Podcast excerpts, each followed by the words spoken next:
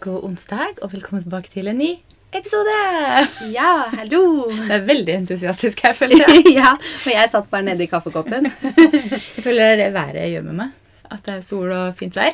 ja, Vi skal ikke snakke negativt om været i dag, vi skal bare snakke positivt om været. Kanskje ikke snakke så mye om været. Nei. Men nå er det fint vær, så da er vi glad i hvert fall. Det er vår, og det er jeg veldig, veldig happy for. Ja, Du kommer rett fra langkjøring siste del. Siste del, så nå har jeg teori og oppkjøring igjen. Ja. Eh, og så har jeg jo sånn Oppkjøring er det jo et par måneders ventetid på. Så jeg har sånn en siste kanskje kjøretime før det, bare for å liksom friske opp litt sånn. Plukke bort hvis jeg har lagt meg til noen uvaner og sånne ting. Men ellers så er jeg liksom jeg har kun de når, der eh, når tror du lappen er i boks da? Jeg håper Før, jo eh, Jeg holdt på å si før våren. Våren er jo her. Våren er her. Før sommerferien? Før 17. mai kanskje? Eller? Det tror jeg ikke går, fordi at akkurat nå, når jeg spurte kjørelæreren min i dag, så sa han at eh, at eh, Herregud, nå sto helt stille hodet mitt. At hvis man booker oppkjøring i dag, hvis man, han får booke oppkjøring i dag, så er det slutten av april, starten av mai. Så jeg må jo ta teoriprøve først. Så skal jeg ikke avsløre når jeg har den her, for jeg er livredd for at jeg da stryker, og så kan jeg ikke si det. Eh, så jeg bare ikke. Ja, du vil ikke si det, Du vet når jeg skal ha det, men jeg vil ikke si det ut, ok? Men jeg? Nei da. Men eh, Så jeg tipper at når jeg får tatt den teoriprøva, så kanskje i beste fall får jeg oppkjøring i løpet av mai. da. Slutten av mai. Så jeg håper at jeg har den før juni, da. Men det er jo Jeg syns det har gått så fort. Jeg. Du har jo vært så flink. Nå gleder Ja. jeg meg til å bare stå utenfor huset mitt med den svære bagen med klær. Bare sånn Å, der kommer du kjørende. Istedenfor å komme hit, hente meg og bilen, og så kjøre. Ja, jeg ser den. Jeg skjønner at det skal bli litt deilig selv å bare kunne ja, ikke være avhengig av andre. Jeg har jo ikke følt på det der å mangle lappen i ulike situasjoner tidligere. Jeg, har jo, jeg kunne tatt lappen for tolv år siden. Tolv? Ja, tolv år siden. Herregud. men jeg har ikke hatt det behovet. Men nå når jeg har begynt å liksom ta kjøretimer og se hvilke situasjoner det hadde vært deilig å ha det, og jeg er så nære, så er det veldig ofte jeg tenker åh, i dag hadde vært digg å ha den lappen selv.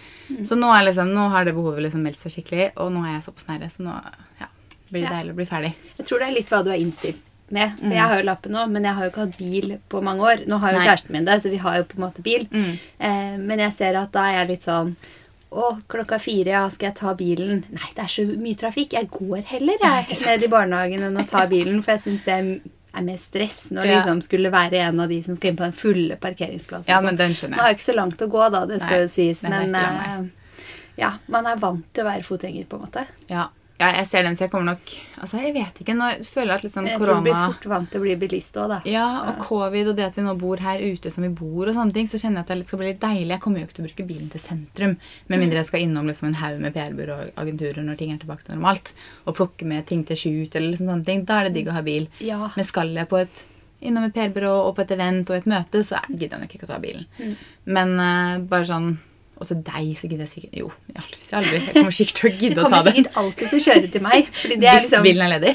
Ja, da trenger du ikke innom sentrum, så Ja. jeg tenker over det hit. Mm. For når jeg har eh, bil da, og skal til deg, så er det sånn Nei, nei, ikke tenk på det. Jeg er hos deg om fem minutter. Ja, det For hadde det vært er så deilig. utrolig kort imellom oss. da. Ja, og ikke minst når vi skal til f.eks. Ski Storsenter, eh, hvis vi skal ha sånn fotodag og sånne ting, og vi tar vår bil, eller min bil, vår bil, min og Fredrik sin bil. Ja, Det høres ut som Eh, vi hadde bil. ja det høres ut som det var det jeg følte. um, og vi tar den bilen, så, er det litt, så slipper du å liksom ta bussen hit først. Det er deilig bare å plukke deg opp og slippe deg igjen. Ja. Så Det det, gleder jeg meg til. Så den er forhåpentligvis i boks innen juni. Mm. Gud, ja, vi får se. Men eh, du har jo siden sist fylt 30, eller du fylte 30 når forrige episode gikk ut. Hvordan var bursdagsfeiringen? Det var hyggelig. Det var en liten koronavennlig bursdagsfeiring med bare nærmeste familie. Men det var veldig koselig. Så bra. Hva gjorde du på bursdagen din, da? Eh, på selve dagen, eller? Eh, for jeg hadde jo selve dagen var jo på onsdagen. Mhm. Så da ble jeg først eh, vekt med sang og kake hjemme. Det er veldig koselig. Mhm. Så hadde vi morgenlevering med masse godt, og jeg fikk gaver. Og så Hva fikk du?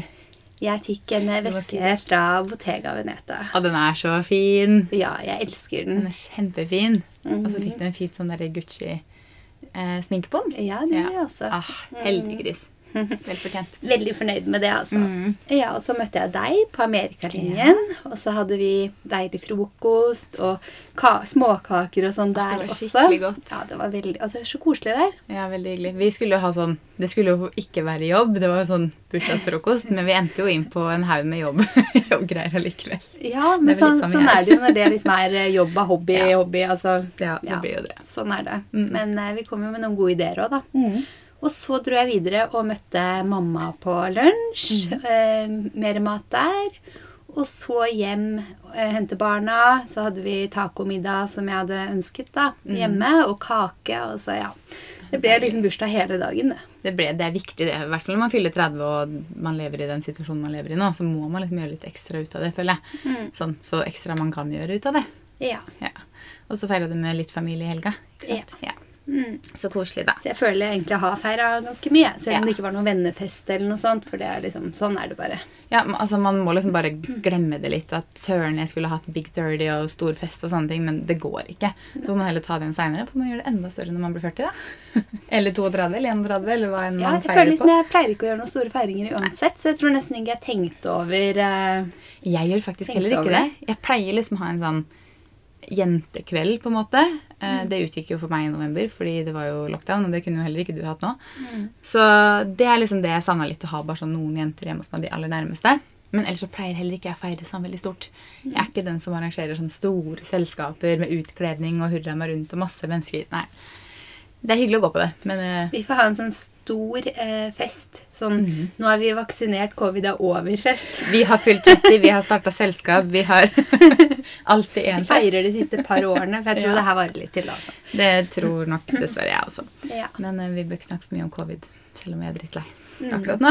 Prøver å leve positivt, for det er jo vår. Mm, Ja. det er det. Du har vært ute på mer skitur med Felix igjen. Hvordan Ja. gikk det nå? Nå er han litt mer dreven på ski. Du, på søndag så var vi faktisk ute og gikk en hel time skitur med han. Eller det vil si, vi gikk på ski, han løp. Fordi det går jo såpass fort på ski at han, de korte beina hans må jo løpe.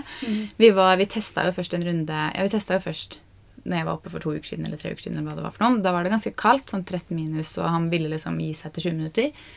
Men så testa vi igjen nå, og nå var det jo sånn tre plussgrader og sol og liksom Ja. det var kjempeskikkelig påskevær. Eh, og ikke veldig mye mennesker i løypa på den hytta vi var nå, for vi var på hytta til familien til mamma. altså den siden av familien. Og der er det veldig mye roligere. Det ligger liksom midt på vidda, det er så vidt du møter på andre, for det er ikke så mye hytter i nærheten. Men det er kjempefine løyper. Så vi gikk jo da Jeg gikk først en tur på morgenen med da resten av gjengen, og så var Fredrik og Felix hjemme. Og så tok vi med Felix ut på en tur litt seinere. Og han er jo litt sånn bjeffete i starten. Litt sånn hva er det her for noe? Men så løper han. Så han var med hele bra. timen. Han var med, altså På lørdag så var vi bare en liten sånn tur på kanskje 20 minutter. For da hadde han allerede drevet og herja rundt i snøen og hoppa rundt, så han var allerede sliten. Men eh, på søndag så var han med en hel time på en sånn runde på 6 km. Og da Ja. merka vi på slutten at når han liksom egentlig i starten, de områdene han i starten ville løpt, så begynte han liksom å gå litt sånn saktere, for tunga hang liksom rundt. Men eh, det gikk faktisk veldig fint, altså. Det mest utfordrende er jo når vi møter på andre som kommer imot. Fordi han blir veldig sånn at han da Han, han er litt redd for skia, tror jeg. Ja. Så når det kommer andre mennesker imot Kanskje på ski staver og Det er jo ja, og så blir han liksom vant til at vi, de han kjenner, går med ski og staver. Men når det kommer noen imot, som da han er litt redd for det mennesket som kommer imot, som synes det er litt skummelt, og så kommer de på ski og staver i tillegg, da imot den, så blir han veldig sånn urolig. Så da må vi på en måte stoppe, få han i sitt, få han til å fokusere på oss, og så kan vi gå videre. Så runden tar jo litt lengre tid. Men ja, det er jo bare en treningssak for. Så Man må jo på en måte lære seg å være på skitur òg. Sånn Ja. er det jo bare. må jo det. Ja. Så jeg regner med at det løsner etter hvert. Men eh, det var veldig deilig at han liksom kunne være med. Han skal jo ikke trekke, og han er jo ikke han veier jo 7,5 kilo, så begrenser hvordan han klarer å trekke. Men i nedoverbakke så han drar ganske bra, altså. Det er sånn om å gjøre å ikke For du har han rundt livet, liksom, i ja, Ja. er det. Og så er det jo om å gjøre å da ikke la han trekke. For han, casen er også at de skal visst være et år før de i det hele tatt egentlig burde trekke pga. Sånn utvikling av muskler og sånne ting.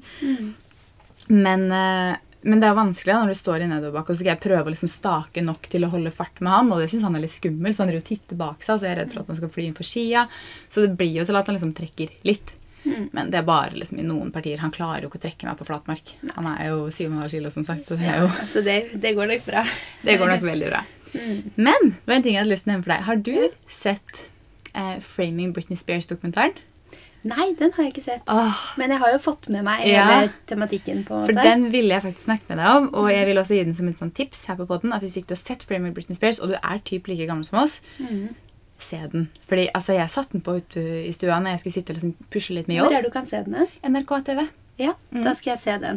Og den varer typ en time og ti minutter. eller noe sånt. Mm. Men jeg satte den på, så skulle jeg liksom sitte og jobbe litt. For jeg tenkte sånn, ja, den er sånn jeg kan ha på i bakgrunn. Men Mm. altså, den timen Jeg klarte ikke å gjøre noen ting. For jeg bare ble sittende og liksom følge med på dokumentaren. Ja. Fordi altså, hele den der greia der Mm. Jeg var jo så Britney-fan da jeg var yngre, og så klikka det jo helt for kjerringa. Og så er det jo så mye som har kommet opp nå i etterkant, og det er så fascinerende. Ja. Har du fått med deg litt av det? Jeg har det. Også, jeg også var jo veldig fan. For vi er jo akkurat samme alder. Jeg føler alle da er jo Veldig mange er Britney-fans. Ja. Så det var jo sånn når det var ganske mye rundt det her, så satt jeg på Instagram, og så bare kjente jeg sånn Nei, jeg ble så engasjert, så jeg måtte faktisk Det er sjelden jeg gjør det, dele på storyen min. Bare sånn Ja. Free Britney, liksom. Jeg måtte Ja, faktisk dele det. Og jeg ble sånn Åh. oh, nei, en av dem. Så jeg er en av de, ja. ja. Men hva, Kjenner et stort tror behov du? for å, for å se den. Hva tror du liksom er sannheten oppi det her? For jeg blir litt sånn Hun sier, har jo ikke sagt noen ting utad, og faren har jo bare sagt så og så mye. Men jeg lurer på liksom Var hun på det tidspunktet gæren nok til å få en verge? Det må hun jo sikkert ha vært, men hvorfor fikk hun da faren som verge, selv om hun sa hun ikke ville ha faren som verge?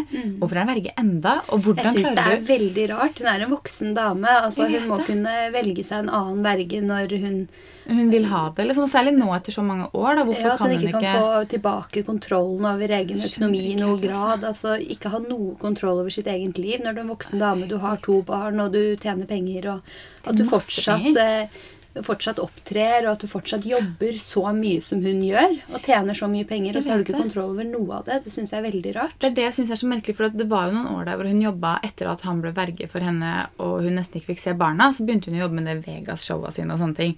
Hvor hun, jeg tror hun sa det i dokumentaren at hun tjente 1 million dollar i uka eller noe sånt. Hvorpå da faren hadde sånn 1,5% av inntekten eller noe sånt. Og det er jo ganske mye. Ja. Eh, ikke at det er mye for henne, at 1,5% er jo ikke mye sånn egentlig, men det blir jo veldig mye penger for han å tjene. Og så blir det sånn, når du er såpass oppegående at du klarer å jobbe sånn som hun gjorde, så liksom hektisk og så mye og så liksom så tenker jeg sånn, Da må de jo klare å holde styr på ganske mye selv. Kanskje hun, kanskje hun må ha verge da, på noe. Men ja, og hvis ikke så tenker jeg sånn om, eh, om hun hadde så mange problemer, da. Jeg kan jo tenke meg det, siden du begynner som artist som bare et barn, og være gjennom hele det apparatet hun har vært på en måte, og bli pressa Ja. til å, å opptre og prestere og sånn, sånn som hun har vært, så bare tenker jeg, Hvorfor må hun jobbe så mye, da? Hvorfor, Det virker som hun tvinges til å jobbe så mye. Synes jeg. Ja, det Kunne hun ikke bare tatt et steg tilbake, ikke vært i rampelyset, eh, levd på Du trenger jo ikke å, Hvorfor skal Nei, du ha så mye penger? Du kan jo bare trekke deg tilbake med de pengene du du har, har, ja. og liksom leve et roligere liv, da, ville jeg tenkt. Ja, for nå har hun visst et bo på 60 millioner dollar. Altså, det er så mye penger. Og det jeg også syns er litt merkelig nå, da, nå nekter hun jo å jobbe så lenge faren er verge. Nå er det ikke sånn at du kan ikke opptre noe særlig nå uansett, men jeg tror siden liksom 19 så har hun nekta å opptre fordi faren, så lenge faren da er den som er ansvarlig for henne. Um, så hun avslutta. Hun skulle egentlig begynne med et nytt show eller noe sånt i oktober 18, eller noe sånt, og det kutta jo i januar 19 eller noe sånt, og ble innlagt og masse sånne greier. Men eh, men eh, herregud, Det ser jo litt ut som at hun blir tvunget Ja. til å jobbe, når kanskje sy psyken hennes hadde hatt best av å tatt, eh, tatt Mhm. Men det, seg litt tid off. noe av det sykeste jeg syns er nå, er at hun betaler jo sine egne advokater midt oppi denne saken her. Mm. Men hun betaler jo også vergen sin og vergen sine advokater. Så hun betaler jo alt. Så det er jo alles interesse at Ja. han fortsetter som hennes verge, for hun betaler alt. Og det er det jeg syns er så merkelig at den som blir den de er verge for, skal betale liksom, advokatene for og imot. Altså, Ja, Det er så skrudd sak, hele greia. det er rart. Altså, ja, så det, det var den jeg ville snakke med deg om i stad, som jeg ville snakke med deg om når vi podda. Ja, Du vet sikkert veldig mye mer enn meg siden du har sett den. Ja. Jeg har jo bare på en måte sett eh, her litt sånn Ja, Mm. ikke sant? Så, Men den burde du se. Og for Mm. de som syns det er litt interessant hele den greia her, og hatt litt sånn koll på Britney, burde se for man er jo liksom Hva skjedde med Britney Spears, Ja, altså, egentlig? Men, og hele det paparazzi-greiene rundt henne. Jeg så det jo veldig godt i den dokumentaren. Hun har jo alltid hatt paparazzier helt oppi trynet. Men de intervjua en paparazzi. Mm. Og han var liksom hele tiden sånn veldig på at Nei, men hun sa aldri fra at hun ikke ville ha oss der. Og eh, en periode så var det liksom Vi trengte henne, og hun trengte oss. Og det er Ja. fair enough. For at en periode så var det sånn. Men hvorfor da etter hvert, når hun på en måte bikka når hun, altså når hun fikk barn, og når ting ble som det ble, hvorfor fortsatte de å være så oppi trynet hennes hele tiden? De tjente jo mange, mange millioner på et bilde av henne, da. Men hvis du sammenligner henne med Det er klart det er med veldig mange som tjente penger på henne, da. ja, men hvis du er sammenligner henne med Kardashians, da. Mm. Sånn, altså, de er jo også veldig sånn der paparazzi-favoritter. Men de har jo vakthold som går rundt i hele tiden. De går inn på en restaurant, og så får ikke paparazzoen lov til å bli med inn. Men så så du klipp av Britney hvor hun satt inne på en restaurant, og paparazziene var helt oppi trynet på henne på restauranten. Så hun kan jo, hvor, hvor er det det er feila? Hvorfor har ikke han, hun hatt samme liksom, vakt security-opphold rundt seg da, som kanskje Kardashians har? Ja. Fordi de også er jo sånn paparazzi-yndlinger. Hvorfor har de klart å overleve hele det paparazzi-styret, men ikke hun? Hvorfor har de alltid vært så oppi trynet hennes? Og hvorfor klarer ikke paparazziene å se ja, men nå ser hun litt sliten og lei, seg, lei av oss ut, liksom. Skal vi kanskje trekke oss litt tilbake, så ikke det går helt bananas for henne? Men han paparazzien sa jo ikke engang sånn ja, det var litt dumt av oss. Han sa ja, hvis hun ba oss om å trekke oss tilbake en hel dag, så gjorde vi det den dagen. Men så er de jo på'n igjen dagen etter. ja, jeg vet ikke helt om jeg stoler på det, på en måte, Nei, men Jeg eh, syns jeg er veldig engasjert i den saken. Jeg, jeg tenker du synes kan, det- du kan jo, når du har råd til det, vel- velge å ikke jobbe, da. Ja, Så- Eller så kan du velge å ha vakthold rundt deg hele tiden, da, så de paparazziene ikke kommer innpå deg. liksom. Så, men hun, jo hun ser jo helt skrudd ut på Instagram-kontoen og TikTok-en sin. og sånn. Jeg, jeg skjønner ikke, altså. Mm. Nei, Så det, mm, se 'Framing Britney Spears' hvis du syns det er litt interessant. For det syns jeg i hvert fall var veldig interessant. Til og med Fredrik var sånn at han klarte å følge med litt der, for han og syntes det var ganske interessant, tror jeg. Mm. Men ja, nei, så det, det har jeg sett i det siste, da. Spennende. Ja, jeg føler at det er en sånn snakkis nå. Ja. Framing Britney Spears. Ja. Jeg tror Netflix også jobber med en dokumentar på henne, faktisk. Mhm. For det her var jo New York Times sin. Og så er det vi snakker om at Netflix jobber med en, og jeg gleder meg til den dagen, hvis det blir noe av, at Britney kommer med sin egen versjon av ting. Mm. Åh, jeg gleder meg til hun klarer en dag, håper jeg, å Kanskje snakke om det. Kanskje hvis hun klarer å bli fri, da, for å si det sånn, så kommer hun med sin historie. Det For det virker jo som det er at hun ikke får lov til å si, Ja, det eh, tror jeg si noe. noe. Og det virka sånn på alle intervjuene i den dokumentaren også, som du ser klipp fra hun var yngre, Mm. så virker det som alt har vært så veldig sånn fabrikkert av det hun har satt. Sagt liksom hele veien. I hvert fall på slutten der når det Mm. Ja, de begynte sa å bli det både Liksom. stemmen hennes, hva hun sang. Så når hun liksom gjorde et skifte, da prøvde hun å få Mm. sin personlighet ut der. Så hun har liksom bare blitt formet hele, Hele veien. veien. Tenk å være så kjent fra du liksom er barn. Mm. Mm. Ja. Hun startet jo i Mickey Mouse Club liksom, sammen med Justin Timblake og Christina Ja, ja. Aguilera. Og det kommer jo fram jo- juicy fakta om Justin Timblake og det forholdet der i den dokumentaren også. Ja, så han det. blir jo litt sånn svarteper i den Ja. dokumentaren. Mm. Så det Fordi det har jo vært mye om at det var litt staged òg. Det var ganske staged, Mm. visstnok. Så nei, det er ganske sjuk greie. Og at det er så mange andre på samme tid som også ble ganske store, som ikke ble ikke det har blitt så mye greier rundt. da. Hvorfor var hun så uheldig å havne i liksom, så Mm. mye dritt som hun havna i? Ja, nei, Hvis det ligger noe i det, da, og Mm. du ikke har foreldrene dine og familien din på din side, så kan jo det være noe. Ja, det Du kan jo det. er jo ikke akkurat eh, Du er ikke voksen menneske da, når hun havna uti det her. Nei, så hvis du blir presset til noe av foreldrene dine også Nå er det vel eh, far, da, men mor har jo ikke Ja. fått henne ut av det heller. Så derfor foreldre. Men jeg tror ikke faren var der i starten av karrieren hennes. Jeg tror han liksom kom inn når det klikka for henne. på en måte. Så jeg, Mhm. Veldig merkelig greie. Men nok om det. Skal Ja. Vi gå over på, Vi har jo ikke noe dagens spesifikt tema i dag, men vi har jo spurt om spørsmål, så vi tenkte å ha en litt sånn spørsmålsrunde. Så vi har jo fått inn litt spørsmål som vi tenkte vi skulle svare på her. Ok, En av de første spørsmålene vi har fått, er must-haves i garderoben. Ja. Hva er dine must-haves i garderoben?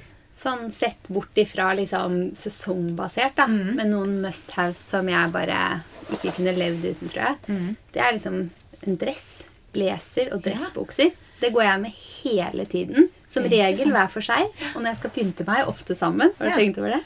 Det tror jeg er de to plaggene jeg ikke kunne levd uten. Nei, for det er ganske interessant, fordi vi er egentlig ganske like i stilen. Både som farge og vi liker og sånne ting. Men der er jeg så motsatt av deg. Ja, for jeg det er de to plaggene du egentlig ikke går så Nei, mye jeg går litt i sånne Du har jo på deg en sånn bukse i dag. Ja. Jeg går litt i sånne bukser innimellom. Men jeg går nok mer i jeans, og så tror jeg du er omvendt på det. At du går mer sånn at du er innimellom i jeans, omtrent. Ja. Og dressjakker. Jeg tror jeg har mange hengende der? Tre-fire stykk. Ja. Brukes Jeg tror jeg har sikkert i hvert fall 20 fulle dresser i skapet mitt. Det er veldig interessant hvordan vi er så forskjellige på akkurat det. For jeg syns den der blazer-trenden er veldig kul. Mm. Men det er bare Jeg klarer aldri å få det til å funke på meg. Jeg vet Nei. ikke hvorfor. Det er sånn go to for meg uansett. Mhm. Hvis jeg liksom bare føler meg Å, uff, i dag så har jeg ingenting å ha på meg. Ja. Så kan jeg alltid gå til det. ja, for der er jeg egentlig mer på en Hva er dine, jeans. da? En, jeg tror, hvis jeg igjen skal se bort fra sesong, for jeg er veldig sånn derre Ja, for det er det jeg tenkte. Da er dette uavhengig av sesong. For ellers kan man jo si noen for hver sesong også. Ja, det kan man jo, men vi kan ta sånn generelt. Mm. Jeg tror det må være, eller har blitt, en lys jeans. Mm. Fordi det er sånn jeg kan bruke hele året. Um, og kanskje en skikkelig god strikka genser. Mm. Så jeg er nok mer der. Det er veldig deg, ja. Ja, Mm. enn jeg er på, liksom, For det er jo sånn som jeg går i dag. I dag visste jeg ikke hva jeg skulle ha på meg, så det ble en lys cardigan og en lys jeans. liksom. Ja. Og det er alltid lyse jeans jeg ender med, og det snakka vi også om her om dagen. faktisk. For det er så Ja. mange som sier til meg at de ikke vet hvordan de skal bruke lyse jeans. Fordi Mm. de føler at det på en måte er feil. eller at, Jeg vet ikke. Og jeg er sånn, jeg vet nesten ikke hvordan jeg skal bruke blå, og i hvert fall ikke sorte jeans. Altså, Det vet ikke jeg hvordan jeg For her om dagen vi snakket om det, så hadde vi jo begge to på oss blå jeans. og da var vi sånn Oi, det var uvant å Ja. gå i det. Og det var uvant å se deg i det. Ja. Men nå er det liksom vår, og da føler jeg at blå jeans kommer på en måte litt inn. Men Jeg bruker det jo, men jeg bruker hvite mye mer. ja, helt enig, Jeg jeg tror også. befolkningen flest er motsatt av oss. At Mhm. de bruker Men det er sikkert derfor vi føler akkurat det. For jeg syns blå jeans er litt vanskelig. Fordi Mhm. jeg syns det så fort blir kjedelig. Ja. Og det er liksom det, er det jeg jeg har med blå jeans. da, At da blir jeg veldig sånn mm, Hvordan skal jeg style det for å ikke føle at antrekket er kjedelig? Ja, jeg er enig. Jeg også føler det litt sånn, altså. Men nei, så jeg må nok si da hvit bukse og en genser. Tror jeg kanskje er min must-haves i garderoben. Mm. Tror jeg. Ja. Uavhengig av sesong. Ja. Ok, Hvor liker dere best å handle klær? ja. Det er jo litt av hvert. Men eh, jeg føler vi begge to er veldig glad i Sara. Mm, veldig glad i Sara. Eh, Sara, ja. Gina Også- Tricot er jeg også ganske glad i. Ja, Gina Tricot ikke jeg, bruker ikke jeg så mye, faktisk. Jeg syns det er veldig mye fint, men jeg vet ikke, jeg ender opp Du er med Altså- på HM, kanskje? Ja, jeg tror nok jeg er mer på HM. Og i den jobben vi er i, da, så er vi jo veldig heldige og får eh, ganske mye tilsendt av ulike merkevarer som vi liker veldig godt. Mm. Og da blir jeg jo veldig sånn at på, jeg handler fra veldig få, men de jeg handler fra, de skal jeg like. For hvis ikke så blir det en overload av klær i klesskapet. Mm. Så jeg tror nok de jeg handler fra, det er nok Sara og HM i hovedsak. Men så er jo Lindex. Ja. Der kan jeg jo ikke si at det er der jeg handler veldig mye, men jeg hadde handla veldig mye der hvis jeg ikke fikk velge det jeg ville ha der selv. på en måte. Mm. Um, så Lindex Kapal Kapal er veldig glad i. Mm. ganske mye fint. Mm. Naked er jeg veldig glad i, da. Ja. Jeg har på meg fullt naked i dag, liksom. Du har det. Jeg handler aldri fra Naked. jeg. Jeg syns Naked har så mye fint. Men jeg husker første gangen jeg bestilte noe fra Naked. Det er vel sikkert tre år siden snart. Ja. Så husker jeg var litt forberedt på eh, Ikke noe vondt ment om Nelly sine egne brands, men kvaliteten på Nelly sine egne brands syns jeg er litt dårlig. Jeg har alltid syntes det har vært litt sånn Men du syns at eh, Naked har bedre Ja, oh, ja. og så forventa jeg litt det samme fra Naked. At det var litt det samme som Nelly sine egne brands.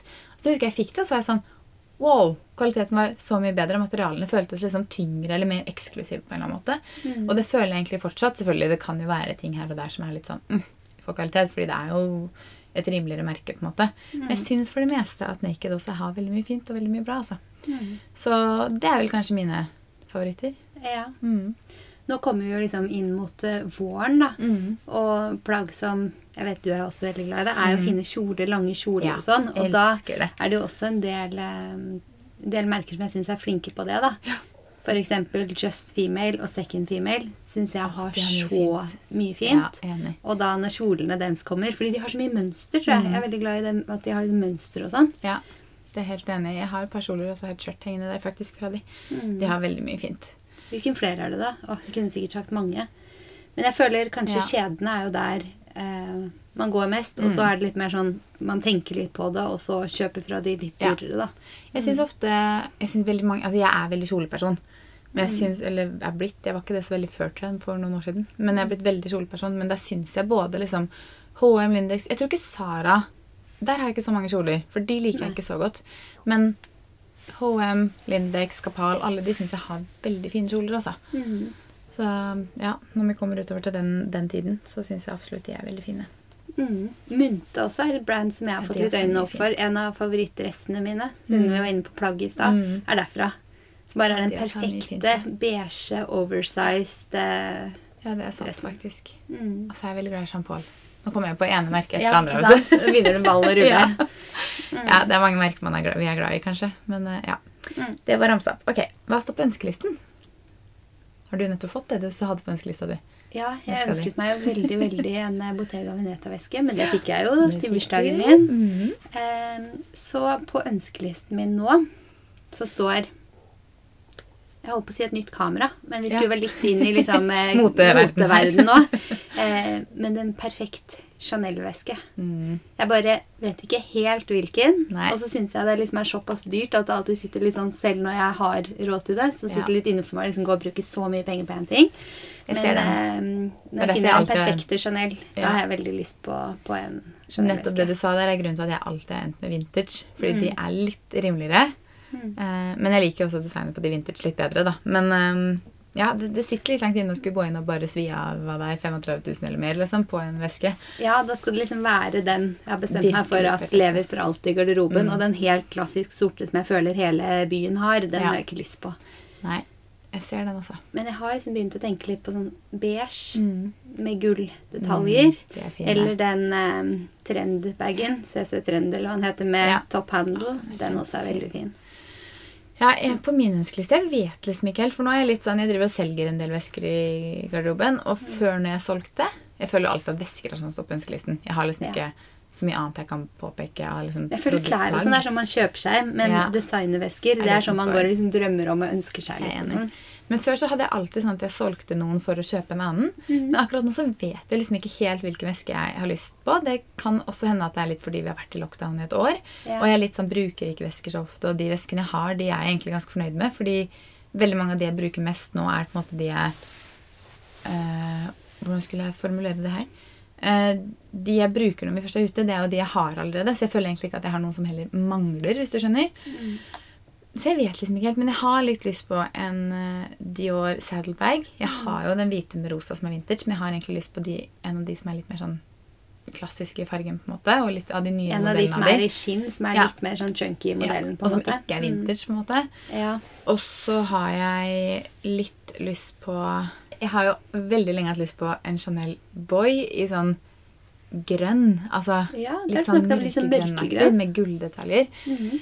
Men så klarer jeg ikke å bestemme meg for om Boy er en sånn veske som jeg er litt, litt sånn trendgreie om jeg er litt over den. Men det er jo fortsatt mange som har den. Men den er også veldig dyr, da. Vintage. Veldig, veldig dyr vintage. Ja, jeg Så- føler at den var også en sånn, litt som den helt klassiske sorte, på en måte. Ja. Men kanskje ikke i mørkegrønn. Nei. Jeg føler alle bare hadde Jeg sier alle, det er jo feil å si alle, men Mm. mange hadde den. Det var veldig trendy, den i sort. Ja, den var jo det. Men Jeg klarer ikke helt å bestemme meg for den boyen, jeg syns den er veldig fin i grønne med gull. Men Men jeg kommer nok aldri til å klare å rettferdiggjøre å bruke Jeg tror den koster 25 000, ja. Vintage, liksom. Ja. Så jeg vet ikke. Men nei. Spørsmålet var drøm. Nei, Ja. ønskeliste. Ønskeliste. var det. Mm. Mm. Ja, har jeg sagt to. Ikke handleliste, men ønskeliste. ønskeliste. ok, favoritt hudpleieprodukt? Ja, hva er ditt? Shit. Um, det varierer jo veldig fra Jeg tester jo veldig mye, så det varierer jo veldig, føler jeg. Herregud, jeg vet liksom nesten ikke hva jeg skal plukke engang, for det er så mange jeg er så glad i. Men jeg er veldig glad i C-vitaminserumet til Ole Henriksen. Det helt nyeste. Jeg elsker jo sånn C-vitaminserum. Det er nok en av de bedre jeg har prøvd. Eh, og så er jeg veldig, veldig glad i nattkremen fra Origins. Jeg husker ikke hva den heter akkurat nå, men den er sånn skikkelig fuktighetsboost. Ja. Så liker jeg veldig godt Garnier sitt micellærvann. Mhm. Til å fjerne sminka med. Og Bioderma sitt. Klarer ikke å bestemme meg for hvem jeg liker best. Mhm. Mm. Jeg liker egentlig hele C-vitamin, den oransje serien Tole Henriksen. Syns den er veldig, veldig god. Alle produktene. Øyekremen. ett Et, produkt? ja, ja, det er nettopp det. ikke sant? Jeg klarer ikke å plukke ett favorittprodukt. Så nå der sa jeg mange. Klarer du å plukke ett produkt? Åh, det er vanskelig å si ett produkt. Nettopp. Men hvis jeg skal si ett produkt, Ja. så tenker jeg et sånn veldig fuktighetsgivende Mm. serum. Ja. Kanskje. Og det var litt det jeg følte at jeg også sånn C-vitamin, serum med fuktighet altså litt, Mm. Det er liksom det det går i, føler jeg. Hva har, Mm. har Hvilket liksom- produkt har du, da? Eh, akkurat nå så bruker jeg Estée Lauder sitt eh, nattserum. Og det er så bra. Og det syns jeg er veldig bra. Det Så det er kanskje liksom en sånn Jeg klarer ikke å plukke et produkt. en jeg bruker akkurat nå, som jeg er veldig glad i. Ja. Men jeg har jo selvfølgelig mange jeg er glad i. Det er vanskelig, altså. Ja. Fordi jeg klarer ikke å plukke bare ett. Altså mitt, Min hudpleieregime på morgen består av sikkert syv produkter. Og på kveld også syv eller åtte andre produkter, nesten. liksom. Men bruker litt av det samme. Mm. Så det å plukke ett Det er veldig vanskelig. Ok, Vi går neste, videre til neste. Favorittpodder og bøker. Skal vi starte med pod? Ja, kan starte med pod. Eh, ja, hva hører vi på annet enn eh, Vår egen. Jeg holdt på å si annet enn vår egen, men den snakker vi. Eh, jeg hørte på Uperfekt-podden i dag, Ja. eh, og de hadde Dagens episode var Instagram og Mm. Ja. Instagram-tips. Og de har jo vært eh, på Instagram veldig lenge, både mm. Therese og Sara Emilie. Så den episoden syns jeg var, var veldig ålreit. De har jo også forskjellige temaer, da. Men Ja. den episoden der, det var kanskje en av favorittene mine som de har delt så langt. Det er jo én podkast. Mm. Hvilke andre hører du på? Jeg, hører på, jeg er veldig glad i noen av de svenske. Det er mange av de svenske som har gitt seg. Men jeg er veldig glad i Janni og Micaela sin pod. Husker Jeg husker ikke akkurat hva den heter. To søstre Nei, jeg husker ikke. er. Two of a kind heter den. To søstre er en pod, det er de andre, det. Alexandra Bring og de. Den hører jeg ikke på. Men Janni og Micaela sin syns jeg er veldig fin. Og så liker jeg veldig godt eh, Sant av livet med Alex og Ida. Eh, den hører jeg alltid på. Og så hører jeg på Mandagsvibe. Ja, den hører jeg på. Ja, Mhm. Den syns jeg også er veldig bra. Det har jeg nettopp starta å høre på, egentlig. Mm. så den har jeg ikke hørt på så lenge. Um, men flere er det jeg hører på. Jeg har, liker, likte jo egentlig veldig godt Lene Orvik i dybden også. Men der har det vært pause veldig lenge, så jeg driver og venter på om hun skal komme med noen nye episoder snart eller ikke. Mm, og så Det er vel de jeg liksom hører slavisk på på en måte akkurat nå. Mhm. Litt Hanneli og Hege. Noen episoder innimellom av de jeg syns er interessante. Mhm. Mm. Ja. Jeg hører på litt um, men Da er det litt sånn ut fra temaet, da var jeg interessert i. Men den svenske Framgangspodden, Ja, det er jo Alex, Alex. Alex og Ida. Han har veldig mange interessante gjester. Ja. så den er jo litt lærerik, da. Mm. Eh, Og der kan man jo plukke-. Ja, for da kan man jo plukke episodene. Det er litt sånn jeg føler med G-punktet også, med Iselin. Ja. At jeg hører ikke slavisk på den, men jeg hører på de episodene hvor jeg syns er interessante i forhold til gjest. Mm, og en annen er Boss Babe. Det er jo en engelsk Ja. podkast, men den har også sånn veldig mye sosiale medietips og Ja. markedsføring og litt forskjellig sånn. Og da kan man også høre liksom de episodene som er er- temaer som man Mm. syns er spennende. Mm. Eh, ja, så det var to. Hører litt på Karrierekvinner begge to også. Ja. Jeg syns den er Mhm. veldig bra, men det er også litt variert fra episode til episode hvilke episoder jeg syns er interessante og ikke. Av, ut fra hvilken gjest de har, rett og slett. Um, ja, Og så Mm. Kommer det en del nye nå, virker det som. Ja, jeg syns jeg har nevnt ganske mange podder vi hører på nå. Har du noen bøker, av. Åh, bøker syns jeg er mye vanskeligere. fordi med to barn så leser jeg ikke så veldig mye bøker. Nei. Men um, jeg har fått meg en ny kokebok. Ja, det så jeg på Instagram. Ja, Ja. Med bare salater. Så den gleder jeg meg til å teste masse fra. Ja, jeg gleder meg til du skal lage ny salat til meg til lunsjen. da, ja, da. Ja, fordi jeg hadde liksom en god driv der med Ja, grønnsaker det. og lagde litt nytt. Og så er det sånn, så har du lagd det en stund, så blir du litt lei. Mm. Og nå fikk jeg masse ny inspirasjon, så da kan jeg jo komme på ballen igjen og la grønnsakene rulle, eller hva jeg skal si. Ja, grønnsakene ruller. Sunnheten. Ja. Eh, jeg kan ikke si det at jeg har to barn, derfor så får jeg ikke lest. Jeg kan bare si at jeg er ikke noe Altså, jeg finner ikke tid til å lese. Jeg kunne sikkert gjort det hvis jeg virkelig ville. Men eh, jeg har jo liksom noen bøker jeg begynner på nå, da, på hytta og sånne ting. Og den jeg nå leser, er Sofie Elise sin nyeste bok. 'Forbildet', heter den vel? Er det den nyeste? Jeg vet Jeg ikke, jeg er ikke inne i bøkene hennes. Nei, det er den aller nyeste hun slapp, i hvert fall. Den har jeg lest litt i nå. Men jeg kan liksom ikke gå så langt som å anbefale eller ikke ennå, for jeg har bare lest sånn tre kapitler eller noe sånt. Men enn så lenge så syns jeg den er ganske interessant. Um, og så har jeg jo sikkert noen favorittbøker fra tidligere. Jeg liker veldig godt uh, 'Omgitt av idioter'. Men det er jo litt mer sånn faglig type eller lærerik bok, og ikke bare en roman, på en måte. Mm, sånne bøker liker jeg når jeg Ja. først leser. Synes jeg Tror liksom- Sist så har jeg lest um, 'Hvordan ta bra portretter av folk'. Ja. Den er på engelsk, da, men det er veldig mange som fototips. Den Mm. syns jeg er veldig bra. Eh, og sånn 'Power of Habit' og sånn. Hvordan du liksom styrer dine egne Mm. ja, Sånn type Sånne bøker, ting er litt interessant. Og så har jeg lest den der The Secret mange ganger. Ja. Det er noe vi ikke skal inn på nå, for det er et eget- helt eget samtaleemne, føler jeg. Men jeg syns sånne ting også er litt interessant. De som interessant. vet, de vet. De vet, de vet. Mm. Ja, sant. Ok, Neste spørsmål. Hva gjør dere glad? Vår, Sol. Farger. ja, jeg, Da fikk vi nevnt været i dag òg, da, når Vi fikk fikk det spørsmålet. jeg må si at det er veldig mye annet som også gjør meg glad. Mm. Men eh, været har ekstremt mye å si på mitt humør, altså, har jeg funnet ut. da. Og så menneskene rundt en. Du sier man blir veldig sånn eh, av været. Du står opp på en skikkelig grå dag, så blir man litt sånn der, å, litt groggy humør. Man må bare liksom komme seg litt, Ja. litt på topp av eget humør. Men det samme er det med menneskene rundt dem. Hvis andre har en dårlig dag, det blir jeg også veldig påvirket av. Ja. Da må jeg også tenke på meg selv sånn Ok, du har en dårlig dag, men nå må jeg da bidra med godt humør. liksom. Jeg Ja. må tenke meg om da, så jeg passer på humøret mitt. Ja. Mm. det er sant. Nei, jeg, jeg vet ikke.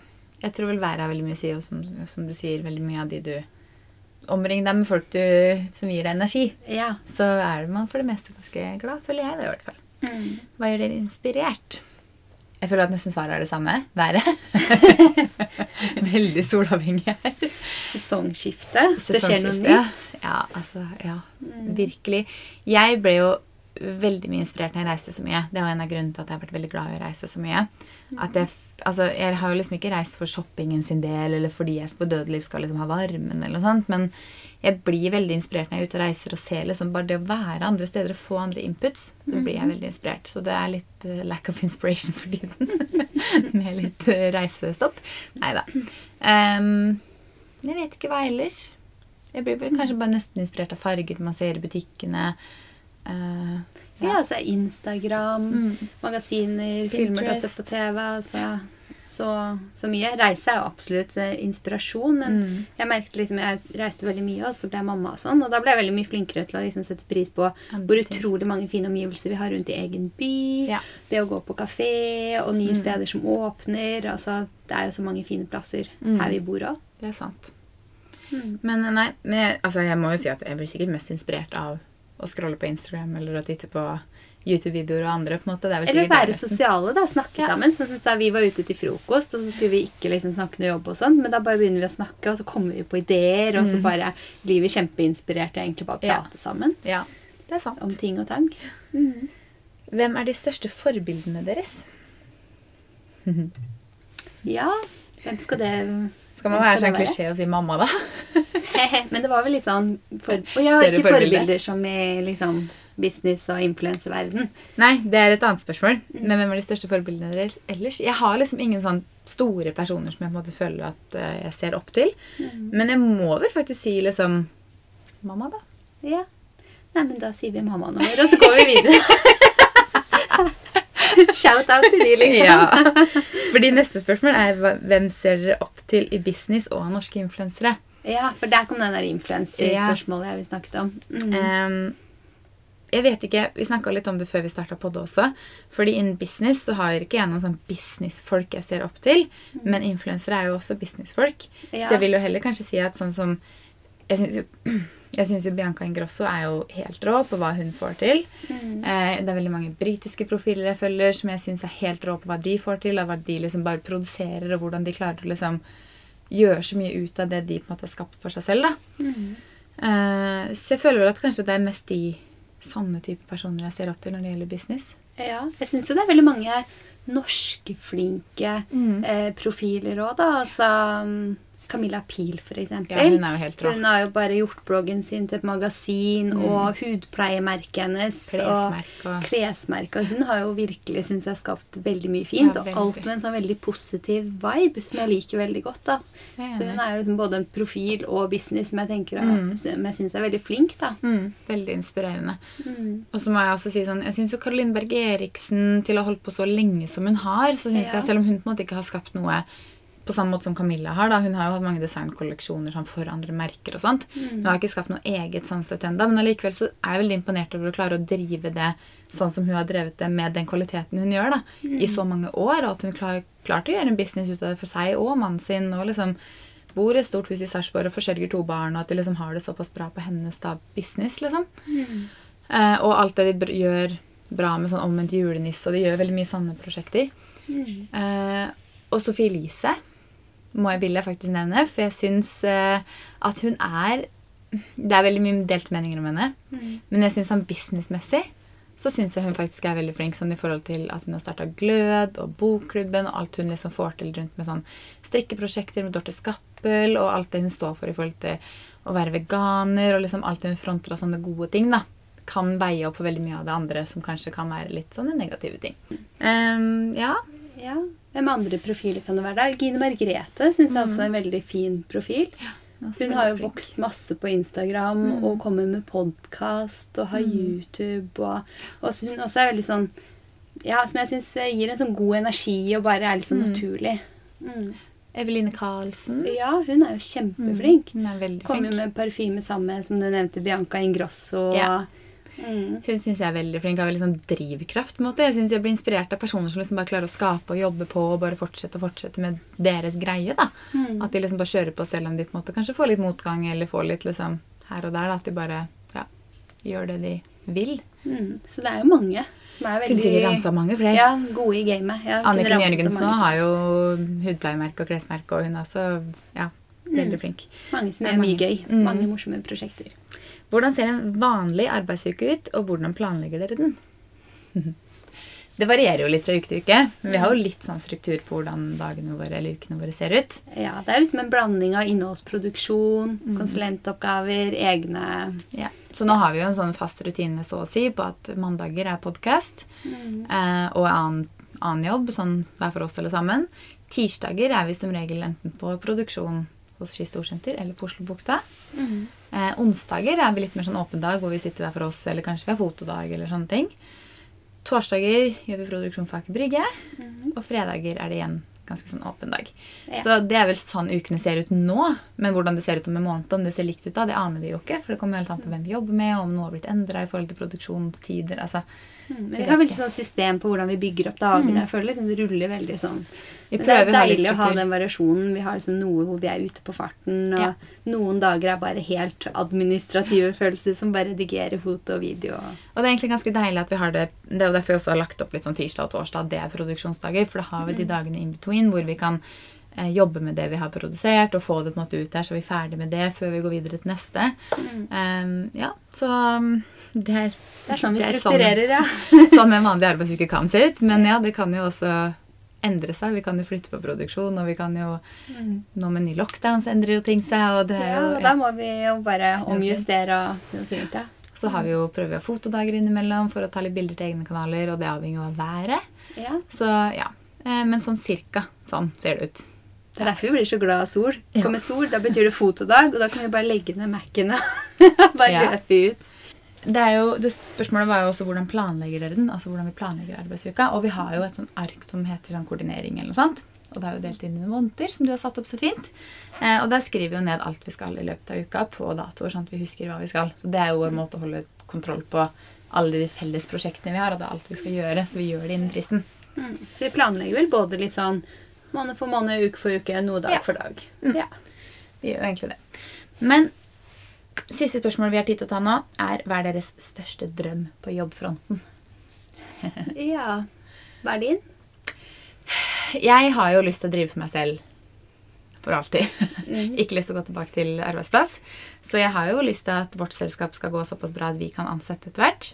Og at vi kanskje kan eh, gjøre det såpass bra innenfor det selskapet at vi jobber litt som konsulenter, men at vi også jobber med egne prosjekter som da podkast f.eks., eller egne kanaler, og at ja, egentlig Jeg føler egentlig at jeg er ganske på god vei til der jeg ønsker å være. Um, og kanskje starte enda flere selskaper, være liksom kreativ og starte ting som på en måte er gøy å jobbe med, da. Så mm. Ja, nei, jeg kopierer den drømmen din. Altså, siden jeg er på jobbfronten, så er det jo liksom som Day Creative som skal opp og, og stå og rulle og gå bra. Mm. Så jeg føler jo jeg føler at vi har ganske lik sånn visjon der. Altså Begge to har lyst til å jobbe videre med egne kanaler og sånne ting, men fortsette med byrået vårt. Og kanskje trolle på andre ideer etter hvert. Det vil tiden vise. ja, det vil tiden vise. Ta, ta ett steg av gangen. Eller vi gjør jo ikke det heller, for vi starter med mange prosjekter på en gang. Men eh, Mm. nei, så det er vel drømmen. Og det var vel da siste spørsmål vi hadde tid til nå. Ja. Mhm. Så da sier vi ha det. Snakkes i neste episode.